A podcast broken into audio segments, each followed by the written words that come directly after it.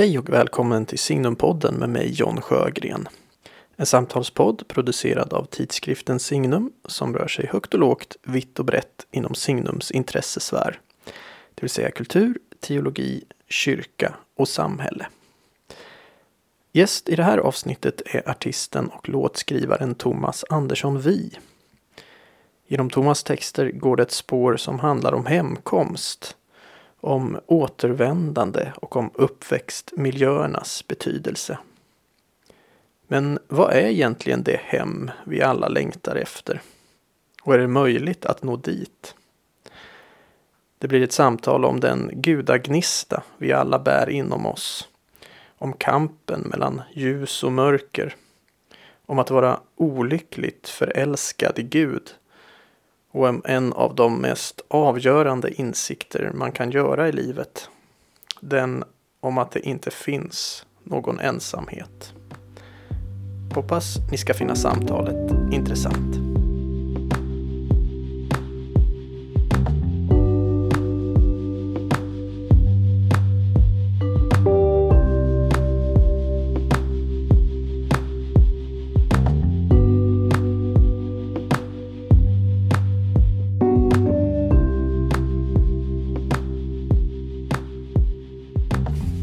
Men välkommen till, till Signumpodden, Thomas Andersson Vi. Tack så mycket. Jag funderar på första gången jag hörde dig. Det var när du, eh, ja, det var nog ditt genombrott, år 2000. Ett slag för dig. Ja, men jag kommer ihåg det väldigt tydligt, för jag, eh, vi kommer från liknande bakgrunder, också från uppväxt i en frikyrklig miljö. Eh, Och jag var, år 2000, jag var 17 år då. Och hade slutat gå, jag är uppväxten i en pingstkyrka, hade slutat gå där när jag var 14-15. Eh, och det var precis slutet på, eh, 90 90-talet hade slutat. Kändes som en liksom hel supersekulär, väldigt superironisk eh, årtionde. Och, och jag ville på något sätt liksom lite lämna det där bakom mig, det här frikyrkliga. Men så kom du som verkar då i en tradition liksom från Dylan och i, svensk tradition liksom Lundell och Plura. Men kunde sjunga rader som Gud om du hör mig. Jag kommer som den jag är. Eh, ge mig Guds röst. Alltså här var någon som kom också från den här frikyrkliga traditionen men kunde göra det till något alldeles eget och som inte kändes sådär lite löjligt som jag tyckte då att, att eh, frikyrkliga sändes när jag, där i 17-årsåldern. Men alltså, jag tänker, hur, hur vågade du sjunga så där öppet om, om, om Gud? Med tanke på bakgrunden mot det här. Det var, det var ganska apart då. Jag delar ju din känsla inför den tiden. Och jag hade ju varit ganska djupt insyltad i 90-talets media. Så jag kom till Svenska Dagbladet efter gymnasiet. 90 var med och startade den här fredagsbilagan City. Och, och mm, jag kom till Nöjesguiden i mitten på 90-talet. Och var redaktör för Knesset som ju var ett sånt där eh, ansågs vara ett av de där ironiska generationens tv-program. Ehm, och ehm, så jag var djupt in, insyltad i, i, ehm, i 90-talet och, och ehm, även om jag aldrig har varit någon liksom ja, men jag, jag, jag, kunde, jag kunde på något sätt både gilla hela den eran. Jag, jag garvade lika mycket åt Killinggänget som alla andra och, och tyckte att, att det var en, en kul tid där, där det hände mycket så här. Alltså med avregleringen av tv gjorde att vi kunde börja med ZTV. Det var, det var en ganska punkig tid och det fanns fortfarande en del pengar i media och sådär så man kunde göra långa intervjuer och sådär. Jag, jag hade nog haft en liten speciell position. Jag var skyddad på något sätt lite grann av ganska mäktiga institutioner på den tiden. Som Nöjesguiden till exempel. Och de lät mig göra tio sidor i tidningen. En intervju med Martin Lönnebo. Där jag liksom pratade om tro och samhälle och så med honom i den här kontexten. Så jag, mm. jag um, hade... Um, jag hade nog redan liksom börjat... Uh, redan börjat försöka...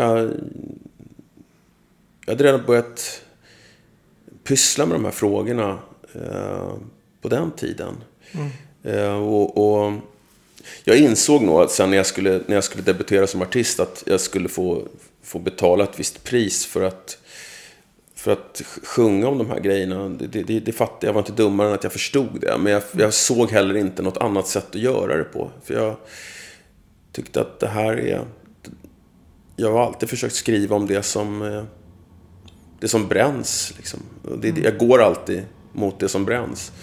Och eh, det här har varit en stor en stor grej för mig att uh, de, här, de här andliga frågorna och livsfrågorna och liksom att också att bearbeta min bakgrund och att växa upp i en sån här tydlig världsförklaring mm. som jag har vuxit upp i och så. Um, och att liksom, sen att jag också har varit så marinerad i ett eh, kristet språk och i bibeltexter och sådär. Att jag märker hur de bara, utan att jag nästan märker det själv, tar sig in i texterna. Det, det finns ju ett spår i, i din um, i ditt artistskap som jag tänkte vi skulle fokusera lite på här idag. Ett, ett spår som har funnits ända sedan eh, din debut egentligen med Ebenezer 98.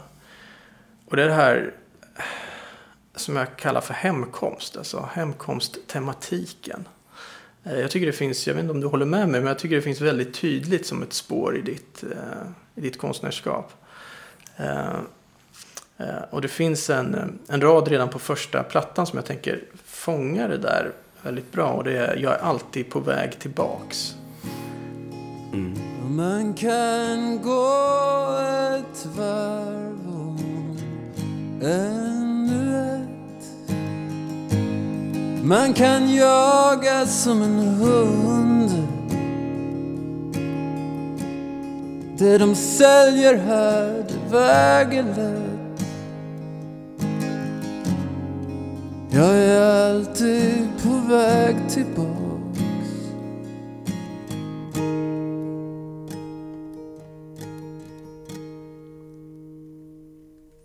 Ebenezer.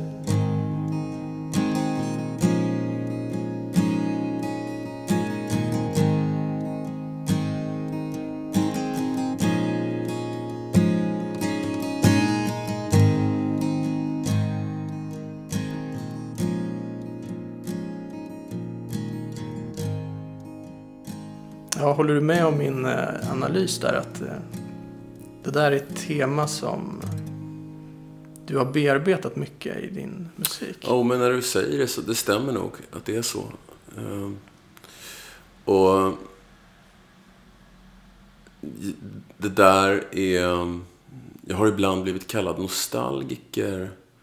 Mm. Uh, och jag tror att det har att göra med det. Med det här hemkomsttemat som du säger. Jag är egentligen en väldigt onostalgisk person. Mm. Jag, jag har alltså inte, alltså om nostalgi då betyder att längta tillbaka. Mm. Så, så har jag inte gjort det i, i, i den meningen att jag har längtat tillbaka till min barndom och så. Tvärtom så har det väl snarare varit så att det har funnits ett sår där som, som jag inte har kunnat, eh, eh liksom, som har påverkat mig. Och jag har skrivit mycket om hur det förflutna fortsätter att påverka en. Mm. Och jag har nog haft som en, eh, som en inställning både som människa och som, som skrivande person att, att hålla dörren öppen till det, till det förflutna och att, och att jag Ja, att jag, och, och, att liksom vägen, ibland så måste man gå bakåt för att hitta vägen fram. Liksom. Mm. På ett större plan så tänker jag att eh, det är svårt att inte börja tänka på Edens lustgård och, mm, och att, mm, den förlorade paradiset. Va? Nej, precis. Nej, jag tänker ju också, jag upplever inte heller att din musik är nostalgisk. Jag, ska, jag, jag tänker också precis som du säger att det finns något sår där. Men har du hört den här eh, Springsteen-konserten från Christic Institute från 1990? Nej, jag tror inte det. Det, han gjorde ju en, ett par spelningar bara där helt akustiskt. Det var liksom mellan Tunnel of Love och, och de här eh, Lucky Town-plattorna. Eh, och det var ju när han drog sig tillbaka, skaffade familj och han gjorde inga konserter. Men så gjorde han en konsert eh, akustiskt och så spelade han här My Father's House där. Eh, som handlar om liksom, hans stora sår i livet som ju är hans eh, liksom, brustna relation till hans pappa. Mm. Och så håller han en monolog innan den. Eh, och då säger, berättar han så här att ja, men i flera års tid så varenda kväll så satte jag mig i bilen, åkte till min gamla hemstad, parkerade utanför huset där jag växte upp och så bara satt jag där i bilen. Och jag gjorde det här år efter år, varenda kväll. Och till slut så, eh, jag måste gå till en terapeut liksom. Så gick han till en terapeut och så berättade han där och sa han, What the hell am I doing? Och så sa terapeuten, I want you to tell me what you're doing. Uh, och då sa han, nej, nej, jag vet inte. Please tell me what I'm doing. Uh, och då sa terapeuten, uh, well, something went wrong. And you keep going back to see if you can somehow make it right. Mm. Och då sa Springsteen, yes, that's exactly what I'm doing. Och så sa terapeuten, well, you know, you can't. och det var på något sätt förlösande för honom. Uh, mm. Och det där tänker jag också på nu när du säger att det finns något, något sår där då. Det är därför du återvänder. Mm. Mm. Precis. Och det är, men det är inte bara ett sår, utan det är ju också en... Uh, jag tror att det handlar om en form av uh, tidigt upplevd gudagnista som, mm, mm. som uh, är en gnista verkligen. Den är inte, den är inte väldig och påtaglig och konstant. Utan den är som en liten, ibland uppflammande förnimmelse av vem jag är och vill vara. Och hur mm. jag vill att livet ska kännas. Och hur jag vill vara som människa mot andra, hur jag vill vara i den här världen och så. Och um, det är liksom en gnista som man inte kan ha kontakt med hela tiden. Det kanske inte ens är Nej. meningen att man ska det. Det kanske, är, det kanske är just alltså att man... Eh, för, för, att, ja... Eh, ibland... Eh, den här fina Tranströmerraden, det finns mitt i skogen en oväntad glänta som bara kan hittas av den som gått vilse. Mm. En stor del av livet handlar väl om att gå vilse och att ta risker och ge sig ut och, och gå, gå över sina gränser för att hitta dem, så att säga. Mm. Eh, men, men eh, musiken har för mig alltid varit ett sätt att komma i kontakt med den där gudagnistan. Och mm, väldigt konkret. Alltså sådär att jag, om jag mår dåligt, sådär att jag kan ta på mig ett par lurar, lyssna på musik och känna hur jag liksom får tillbaka mm. mina konturer. Och mm. hur jag får hjälp. Eh, och andra kanske går till kyrkan eller går ut i skogen eller sådär. För mig har musiken och konsten varit väldigt mycket eh, det, det, där som tar mig tillbaka eh, till till vad då? Jag, jag mm. vet ju inte vad det är för någonting. Men, men eh, någon form av känsla av eh, det här är det vatten jag ska simma i. Det här är mitt kall. Liksom. Mm. Alla de där. Det där. Och eh, det har varit viktigt för mig. Jag har, tror jag, haft en väldig eh, nästan överkänslighet för när jag glider bort från det. Och jag tror att 90-talet som vi började prata om var en period när Eh, där jag kunde ha glidit bort väldigt långt från det. Liksom. Mm. Det fanns många... Dels gick min karriär som journalist väldigt bra. Och jag blev liksom, det var många som tyckte jag var en idiot som övergav det där för att göra några deppiga skivor. Liksom. Mm. Eh, sånt risktagande när jag liksom hade kunnat bli chefredaktör för någon tidning eller bli liksom fortsätta att tjäna massa pengar på tv eller sådär. Mm. Och, och, och, så. Men, och, eh, och första skivan handlar ju väldigt mycket om längtan efter sammanhang. Och därför använder jag ju i den låten som du citerar där, i titelspåret Ebenezer, så använder jag ju Ebenezer, alltså min barndomsbaptistkyrka, som en bild av ett sammanhang. Mm.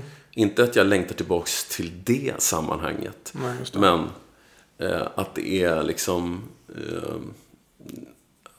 att jag fick någonting med mig där. Eh, som hjälper mig eh, lysa vägen framåt, så att säga. Mm, just det. Och det var ju det sammanhang jag längtade efter där var ju väldigt mycket musiken faktiskt. Alltså. Att, att få, jag skrev ju de här låtarna medan jag fortfarande var journalist och satt uppe på nätterna och skrev de här och få visste om att jag skrev dem. Och det var ju en, en längtan efter att hitta ett sammanhang, hitta eh, musiker att spela med, få, få ge ut de här sångerna, få, få bli den här eh, låtskrivaren och sångaren som jag liksom hade varit sedan jag var barn. Jag började ju liksom skriva låtar väldigt tidigt och sjunga dem och tidigt och så här, i kyrkan och i skolan och så. så att, eh, det, var liksom, det var det jag upplevde var min så här, djupaste identitet. Mm. Eh, journalistiken var mer någonting som jag bara hamnade i. Mhm. Just det. Nej, men det där, jag, jag, jag känner mycket igen mig där du, där du berättar, alltså just den här... Jag tror också att den här längtan tillbaka på något sätt och längtan hem som man pratar om är just det här att man längtar till den här gudagnistan. Alltså det, den ska tändas igen. Men, men det som är märkligt då, eller liksom det man kan fundera lite över, det är ju varför är det, det är en, en längtan hem eller tillbaks? Varför liksom... Mm. Var det att den gnistan då fanns eh, levande mer tydligt i barndomen? Eller varför, varför sätter vi ofta liksom ett tillbakablickande termer och, och språk när vi pratar om det? Liksom att jag, och jag pratar ofta liksom om minnet. Jag, plötsligt minns jag vem jag är. Liksom. Precis. Att, att det är som att de här ögonblicken som jag- du beskriver, att man hittar dit igen. Liksom. Jag glömmer bort vem jag är. Och så sätter man på sig hörlurarna och så får, och just det. Det är alltid som en hågkomst. Det här, ja, liksom. exakt. Även om det inte är ett konkret minne liksom, så är det som att upplevelsen är ett minne. Just det. Mm. Det är väl så, det blir kanske så därför att vi tänker, vi lever i den linjära tiden och vi tänker linjärt. Eh, och därför kanske det hamnar, vi hamnar där i det språkbruket. Mm. men, men absolut, det är ju inte, det behöver ju inte nödvändigtvis vara någonting som finns eh, bakom en eller i barndomen sådär, som man sträcker sig mot. Utan mer en slags liksom innersta eh, mm, identitet och sådär. Det, Mm. Och det där sättet att se på människan är väldigt ifrågasatt nu, upplever jag. att eh, Vadå, det finns ingen... Det finns inget liksom, innersta, det finns inget liksom sådär... Nej, det finns ingen essens. Nej, det finns ingen essens. Och, nej. men, men jag, jag, ehm, jag tror det. Ja, ja, jag är helt övertygad om det. Ja. Nej, men jag tror att det är lite, det är som en paradox. Jag tror verkligen det är, alltså precis som du sjunger i den där Ebenezer, att vi är alltid på väg till, tillbaks. Så tror jag. Eh, men på samma gång, i varje ögonblick, är vi redan hemma. Något sätt, liksom. att vi, vi är hela tiden på väg. Men, när vi, på ett, men på ett sätt är vi redan framme. Ja. Och det, det är det som händer liksom, när, man, när vi når dit, när vi liksom får kontakt med gudagnistan. Då. Precis. Då upptäcker vi att, ja just det, det, det, fanns ju här hela tiden. I just found God where he always was, som Mike Scott sjunger. Ah, Så citerar du Mike Scott också. Vad glad jag blir. det är inte många som, som eh, älskar Waterboys idag. Att det, är ett bortglömt band. Ja, ja precis. Eh, Glastonbury Song. Ja, eh, men exakt så är det ju. Han var alltid där. Du har också någon låt som går så här. Det, nu jag nu kommer jag hem. Det, det, det du Hemma, alltid har hemma nu tror jag den heter på första plattan. Ja, jag tror jag har skrivit om det där mycket faktiskt. Ja. Eh, liksom att, Efter så många år på trampade stigar i pilgrimers spår Nu kommer jag hem längs min egen stig Mjukt fjädrar marken, starkt doftar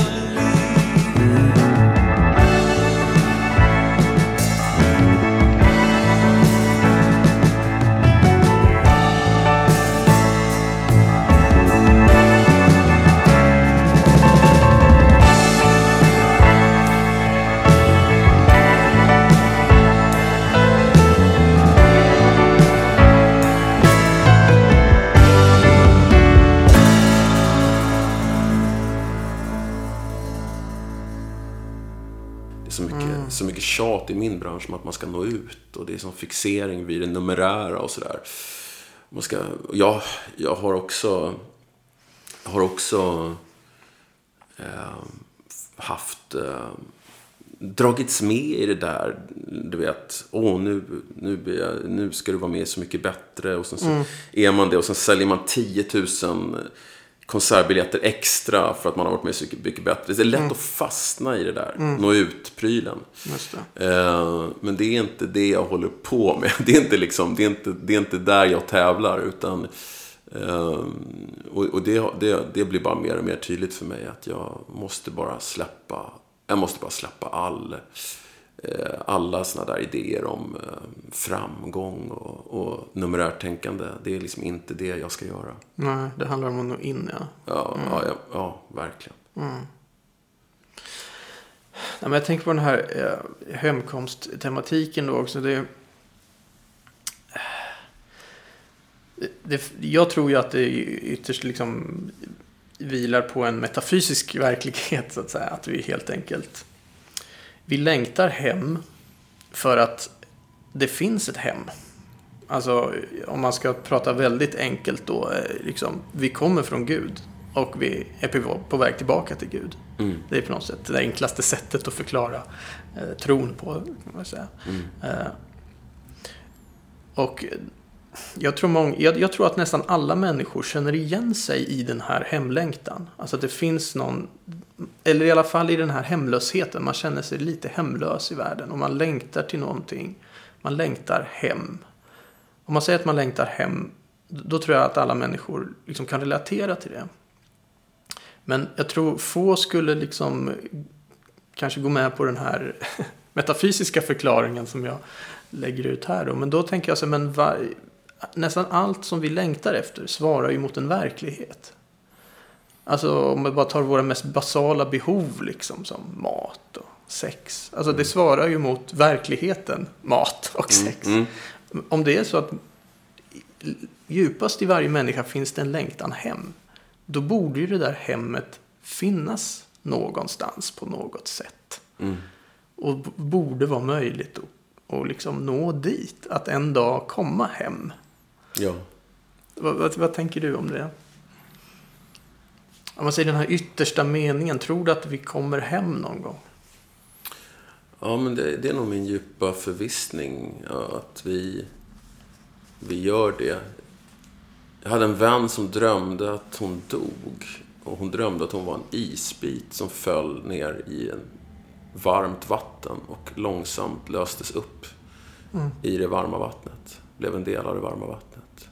Det var en sån fin bild Ja, vackert. av att komma hem.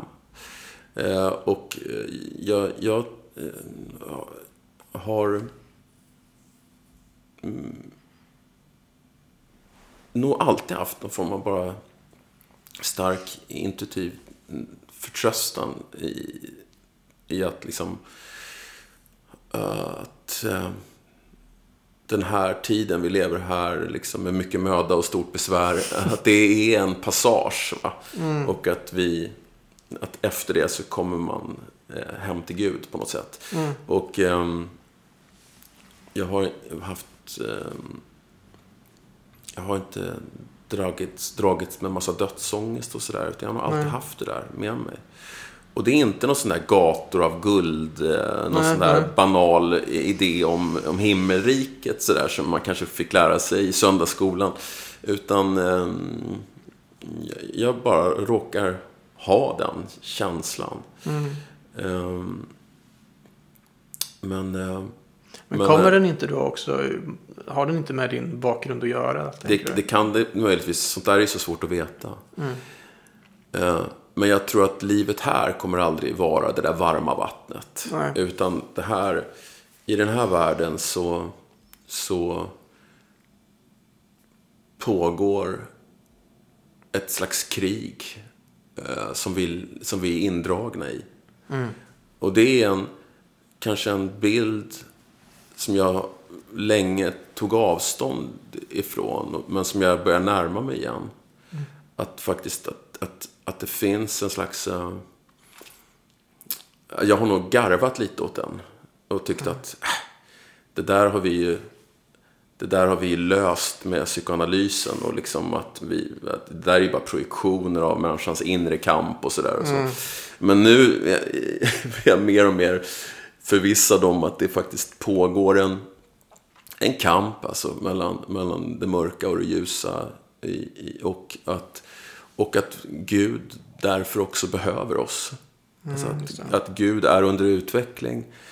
Och eh, att de ljusa eh, krafterna behövs liksom för, att det är ett reellt, liksom, det pågår en slags... Och jag, jag vet inte, jag tycker allting i världen, allting är uppbyggt kring motsatser. Så jag förstår, så, så egentligen känns det väldigt naturligt att även kosmos, alltså om man pratar om kosmologi, liksom, att även där att det är ett, en, ett, en, ett motsatsförhållande. Att det, är liksom, det är det som är det svåra med att vara människa. Men också det är det som är hela förutsättningen för vår fria vilja. Att, att, att för, att kunna, för att kunna förnimma värme så måste man veta vad kyla är. Och, och, och att, att hela tillvaron är uppbyggd kring de här, eh, de här motsatsförhållandena.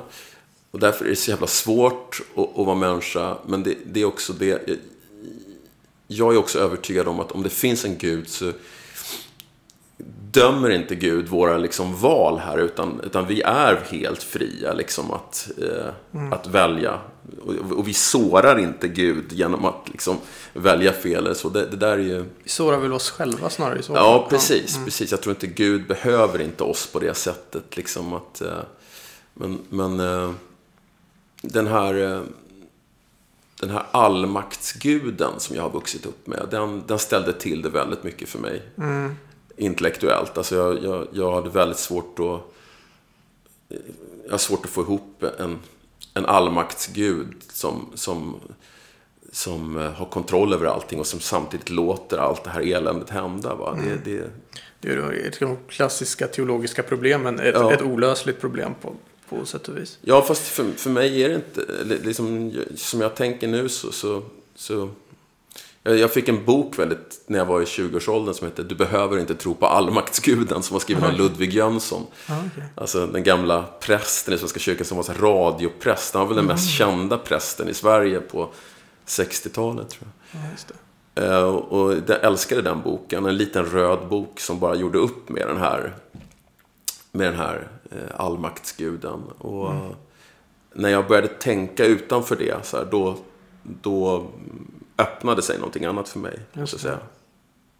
Ja, Jag, tror- jag tror det är, du sätter fingret på något ganska viktigt där. Alltså att vi i moderniteten har dragit oss lite för att prata om ondska. Alltså det här att vi vill gärna liksom psykologisera där. Va? Nej, Ja. men det finns inte ondska, det, det finns sjuka människor liksom och sådär. Va? Men jag tror det är viktigt att man benämner vissa saker för vad det är. Liksom, att vissa saker är onda. Att, att, Och att det finns ett mörker som är reellt, som är verkligt i, i eh, världen. Liksom, som inte går att förklara bort eller skoja bort. Och så här. Sen skulle jag inte säga att det är två eh, krafter som kämpar på lika villkor så att säga. Att eh, mörker och ljus så. Utan jag är mer inne på den eh, lite mer klassiskt kristna förklaringen. Alltså att, att ondskan är en brist i det goda. Alltså att, att allt är gott från början. Eh, men sen har det uppstått liksom brister i det goda. Och det är det vi kallar det onda så att säga. Att, att det onda är egentligen avsaknad av godhet. Och mörker det är avsaknad av ljus. Och, och, och liksom synd det är det här att, att missa målet. Alltså som det ju rent bokstavligt betyder. Det bibliska ordet för synd betyder att missa målet. Alltså att vi, vi är ämnade för vissa saker. Men vi, men vi har, precis som du säger, vår fria vilja. Och så vi kan göra fel. Och det är också det om man tar det här med hemtematiken. Ja, men vi, alltså att det, Visst, jo jag tror att vi kommer väl alla hem på något sätt. Men det, då finns ju också möjlighet att vi missar att komma hem. Om vi är fria. Och det är därför man då inte i klassisk teologi riktigt kan avskriva helvetet heller. Alltså, för det finns som en möjlighet. Alltså om vi är fria, då kan vi också missa att komma hem. Men då måste vi liksom verkligen välja det. Va? Eh, så att jag, eh, jag tror verkligen att det finns ljusa och onda krafter. Men, men det onda är väldigt mycket svagare. För det har inte samma liksom, verklighet som det goda. Mm. Nej, men det, det tycker jag stämmer med de samtal jag har haft med... jag har turnerat nu med en, med en exorcist. Jaha. Eh, Han är pastor och utbildad exorcist i England. Oj. Eh, och varit mycket intressant att prata om, om just det här faktiskt. Och, eh, men han, han upplever ju också att, att det, det, liksom, de, de lyckas nästan alltid driva ut de här andarna ur människor. Och att det goda, liksom, alltså att det ljusa vinner på något sätt. Så Att den kraften är starkare. Så att säga. Och det är ju den kristna berättelsen på något sätt. Liksom, eh, att, att Gud genom att använda liksom det onda på något sätt, gå in i det, eh, gör det till något gott. Det är liksom att Gud går så långt in det är möjligt i liksom ondska och synd liksom, och tar det på sig. att liksom eh, och dör själv och går ner i helvetet själv och tömmer det. Liksom, att det, det är så Gud frälser världen. Liksom, att, att visa att kärleken är mycket starkare än döden och mycket starkare än ondskan. Eh, så det, det tror jag verkligen. Jag, det ligger mycket i det du säger. Alltså jag tror verkligen det finns ljusa och, och mörka krafter. Men det jag vill lägga till då, ljuset är mycket starkare. Mm. Ja, men jag tror att du har rätt. Men det finns ju också i den här, i din, i ditt artistskap det här med, med hemkomsten också något väldigt konkret kopplat till platserna du har vuxit upp på. Eh, Så det finns ju den här andliga aspekten vi har pratat om. Det finns ju något ganska konkret och då är det kanske mer kopplat till en politisk eh, tematik. eh, Så, men det finns ju också att du ofta återvänder i dina texter till liksom, uppväxtplatserna. Och, Mm. Jo. Vad- vad- vad och inte är- bara politiskt. Ja, jag vet inte. Nej, det är kopplat lite till det här, den andliga tematiken också tycker jag. Ja, jag tror att det är um, alltid... Jag vet inte, jag...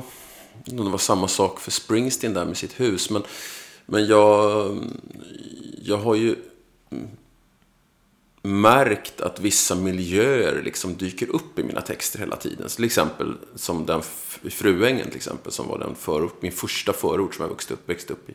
Mellan, fram till, upp till jag var 12 år då. Och den arkitekturen, så jag, märker, alltså, jag är väldigt berörd av, av arkitekturen och alltså, den talar väldigt starkt till mig. Liksom, och, och byggnaderna och liksom stadsplaneringen och allting så. Att, och liksom hur, det är som en eh, scenografi liksom för mig. Väldigt mycket. För kanske en, för en inre berättelse. Men alltså det, och sen så finns Hälsingland som jag också återvänder till mycket. som är, kanske står för någonting mer så här en lyckligt. En, en mer mystik liksom, del av barndomen. Så där, det här liksom, kringdrivande som någon slags Huckleberry Finn-figur där i, i Hälsingeskogarna och sådär. Eh, Fruängen var ju en mycket mer utsatt miljö för mig och en, liksom en, eh, en eh, kämpigare miljö. Eh, ja, nej men, Men vad är- platserna, platserna är väldigt levande för mig och eh, det, det är tacksamma, och att, tacksamma att skriva om också. Ehm, därför att eh, en del, en del textförfattare har frågat mig så här, men blir det inte exkluderande när du skriver om Hälsingland eller Aspudden eller Fruängen? Så här, folk som inte kommer därifrån. Men det är, liksom, funkar inte så, utan, utan folk eh, ser sin värld. Exakt så är det. Mm. Det, ja. Nej, nej visst, jag har ju lyssnat på dig i många, i många år. Det, för mig är ju det liksom, jag, jag har ingen relation till, till liksom Stockholms förorter så alls. Men jag, jag ser ju mitt, mitt, mitt liksom barndomsland för mig. Och det, det eh, och, och jag tror det är så man gör saker allmängiltiga. Man kan inte liksom konstnärligt så här, gestalta någonting allmängiltigt. Att liksom försöka göra det. Man måste ju gå via det personliga. Nej, det blir väldigt fluffigt och vagt om man bara ska liksom bara skriva om vindar och som vänder och, och vatten och himlar och du vet som en del... Då blir det kliché Ja, direkt. det, ja, det blir det fäster inte någonstans i en liksom. Så jag har väl alltid letat efter de här ganska tydliga fästpunkterna. Ehm, och konkreta bilderna. skateboardramp i masonit och den grunda dammen. Det är ungar överallt. Hål i stängslet till tennisbanan och den andra världen.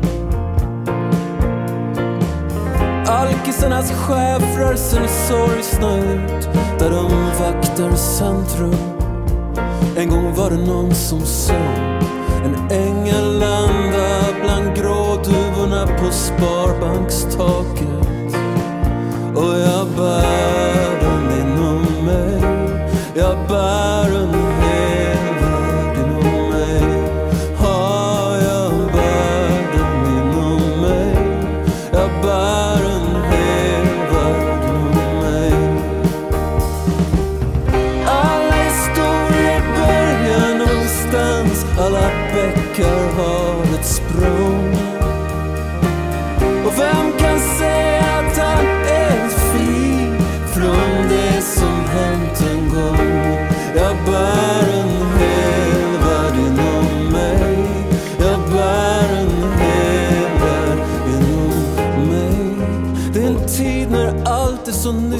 vacker Så får man då höra så här att ja, du, dina socialrealistiska texter.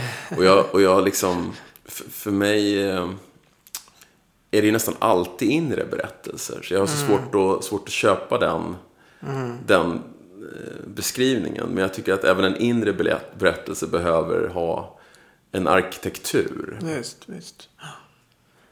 Nej, så är det. Jag, jag tror ju verkligen man kommer åt det här då allmängiltiga eller liksom inre som alla människor delar på något sätt genom att vara väldigt, ska man säga, partikulär på något sätt. Alltså jag tror ju att det är i det lokala som det globala upp, öppnar sig. Så.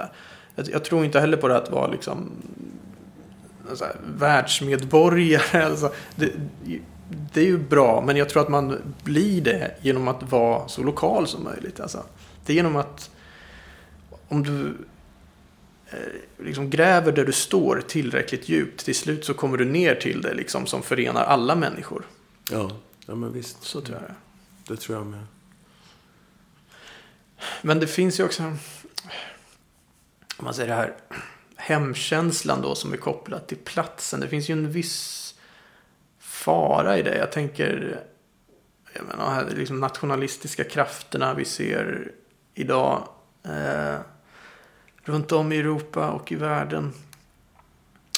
Tänker jag utnyttja den där eh, hemkänslan på något sätt. Alltså att det är den här, det, det, finns en god, det finns ju en god eh, patriotism på något sätt. Eller en god eh, liksom, hemkänsla. Eh, Som jag tycker representeras till exempel då i din, din musik. Va? Men det där kan så lätt utnyttjas. Att man utnyttjar den här eh, genuina känslan för hemmet som finns i alla människor.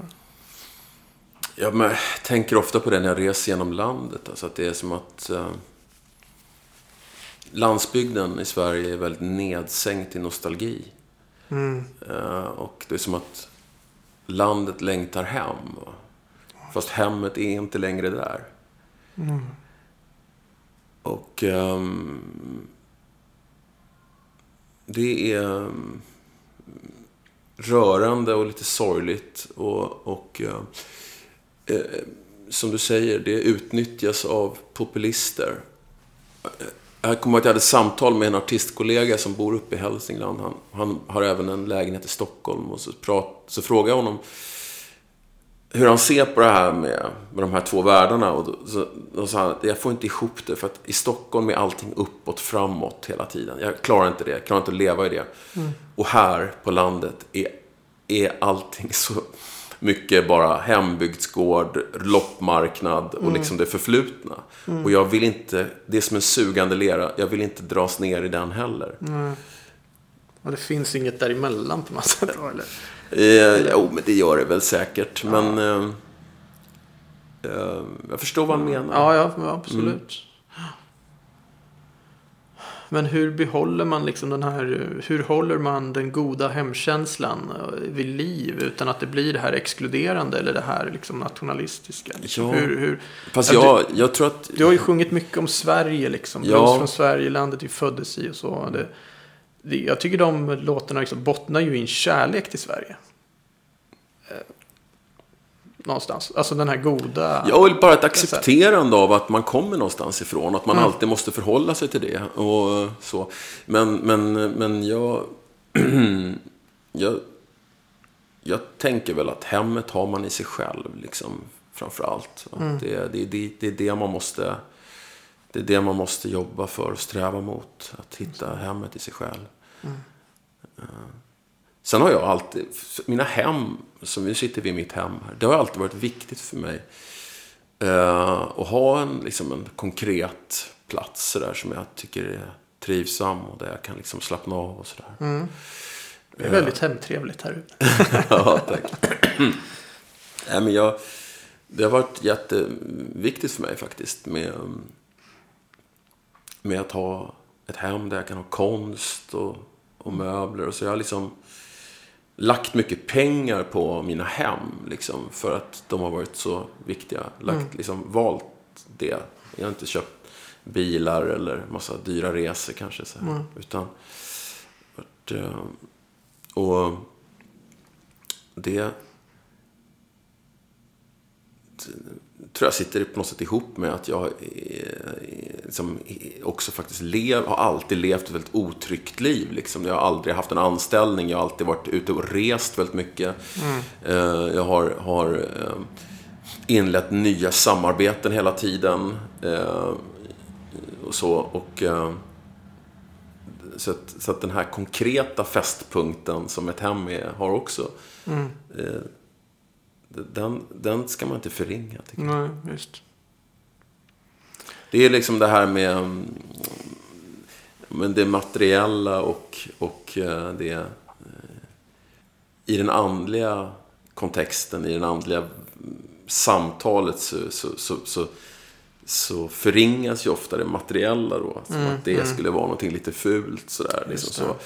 Eh, Men för mig är ju liksom de här bilderna på väggarna här och symbolerna och så artefakterna och allting. Det är ju ehm, de binder ju, de binder ju någonting för mig. Ja, visst. Eh, Så att ehm, det går inte att, det går liksom inte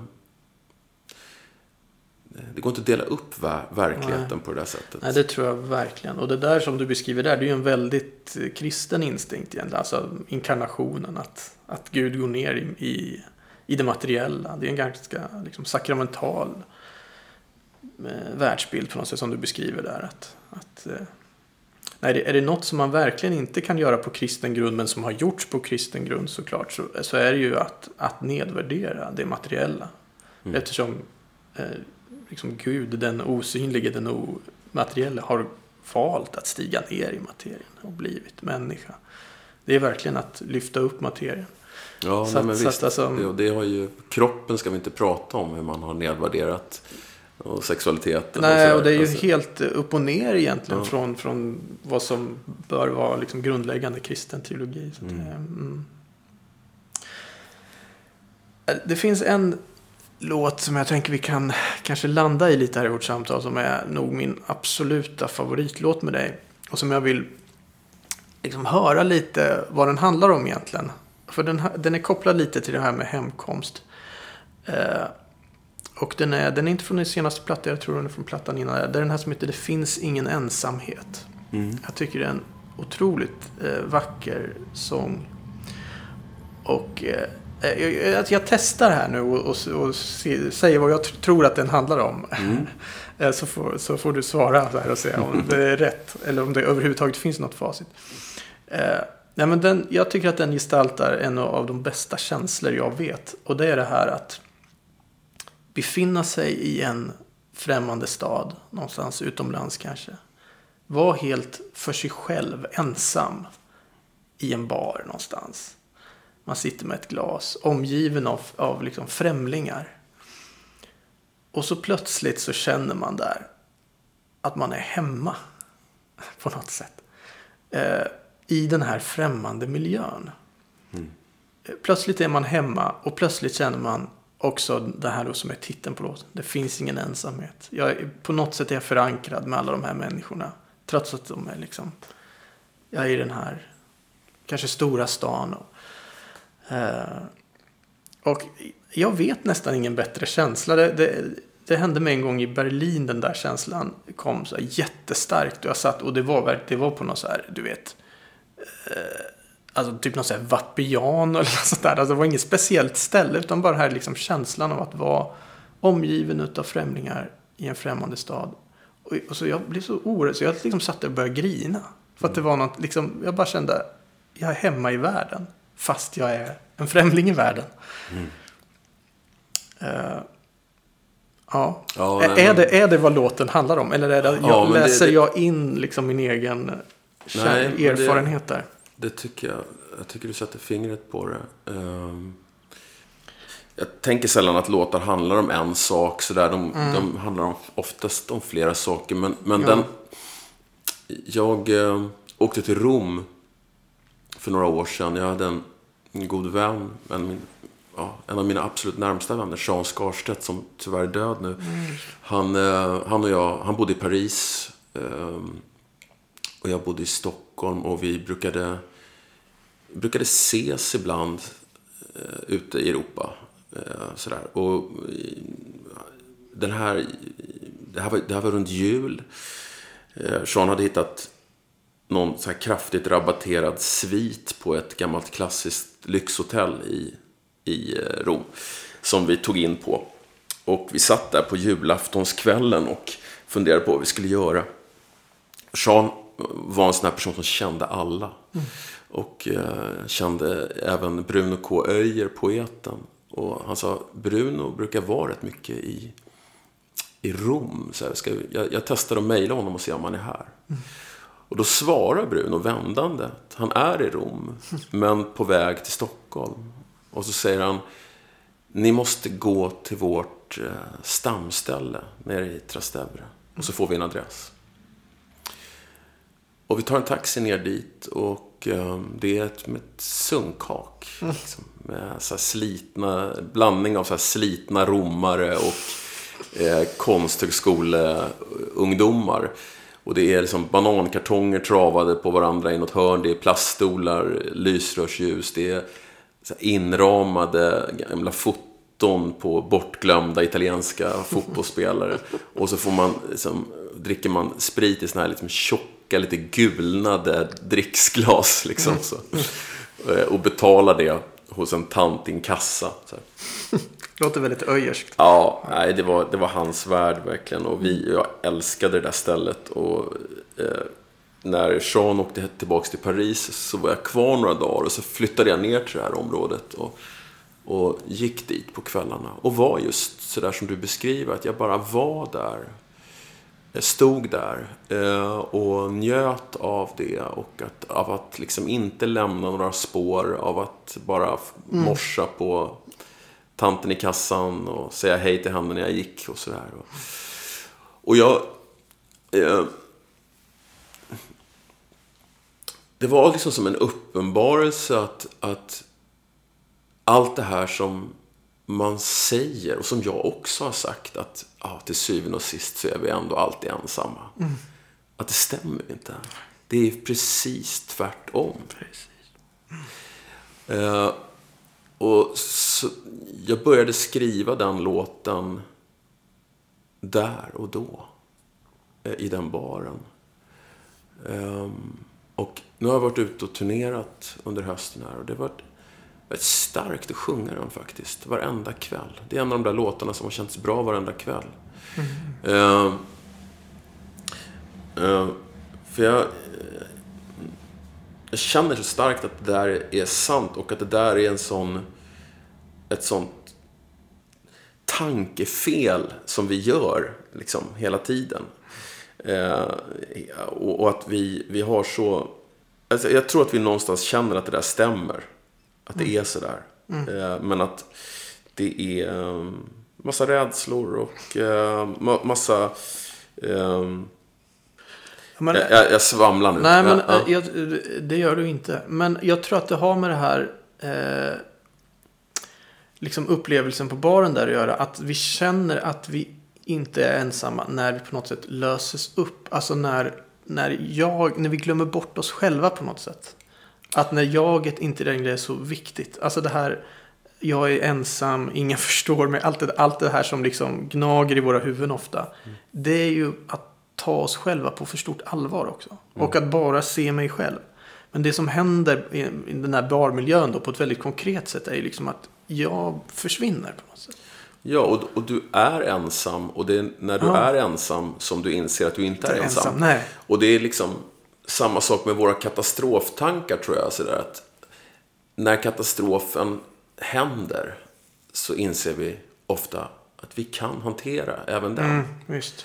Eh, Och jag tänker att det där är, en, är, är faktiskt också en gudsupplevelse som, som händer där. Att, att vi erfar när vi är ensamma, att vi inte är ensamma. För att vi är alla på något sätt, vi är grundade i Gud på något sätt. Alltså att ja, och här, sen, här finns någon tredje som inte syns, så att säga. där två eller tre är församlade, där är jag Ja. mitt ibland er. Det, det är Något som ett av mina alltså. favoritbibelord. För jag har alltid upplevt, när jag tänker på starka liksom andliga upplevelser. Jag har skrivit om det här i en låt som heter Avsändare okänd. Eh, att för mig är det ofta kopplat till möten. Att sitta runt ett bord med vänner. Att, att, eh, eh, och och såna här enkla saker som att sitta på sin balkong med ett glas vin och, och, och eh, bara plötsligt eh, känna att det är precis det här det handlar om. Mm, det, är inte också en något, det är inte någonting låt. annat. Ja, precis. Sitta runt ett bord med vänner som vet vart jag kommer ifrån. Alltså, tror jag. Ja, det, mm, det där känner jag också igen. Alltså, det är då, då är man hemma. Ja, och det, det, ehm, det här andliga sökandet. Jag känner att jag har gått sådana omvägar. Eh, därför att jag växte upp i en miljö som var så... Eh, som hela tiden talade om Gud som om det var något, vore någonting som var svårt att nå. Som var långt borta. Som jag skulle liksom kvalificera mig till genom att bli bättre som människa genom att inte göra vissa saker. Genom att, du vet, att sträva, att be ett antal liksom, minuter per dag. Eh, alltså det fanns en sån prestation i det. Jag, jag upplevde så många år att jag hade en olycklig kärlek till Gud. Eh, att jag fick aldrig liksom det där svaret. Då hade jag ju förstås en slags idé om vad det där svaret skulle vara. Som jag hade bestämt. Det. och så sitter man på en bar i Rom och känner att det här är svaret. Ja, ja visst. Ja. Ja, ja, men det där tror jag också är en djup sanning. Alltså att, att vi gör det feltänket att vi tror att vi måste söka en gud som befinner sig långt borta. När Gud är här och nu. Eh, bara vi öppnar oss för det i det, i det allra mest vardagliga. Ja, men vi kanske landar där i vårt samtal idag. Det finns ingen ensamhet. Tack Thomas Andersson Tack, tack själv. för att du gästade Signumpodden. Och eh, tack alla ni som har lyssnat och lyssna gärna på oss igen i nästa avsnitt. Hej så länge. Vad de än sagt till dig Det finns ingen ensamhet. Det var bara en otäck dröm förklämd till verklighet. En sorg som fantasi Ett rykte, en myt, en sång Som byggde sitt bo i dig du var ung en gång. Men vad de än sagt till dig Det finns ingen ensamhet. Bortom den mur du byggt Ditt skydd, din hemlighet. Nej, ingen är långt ifrån Och särskilt svår. Mest rädsla har hindrat dig att gå.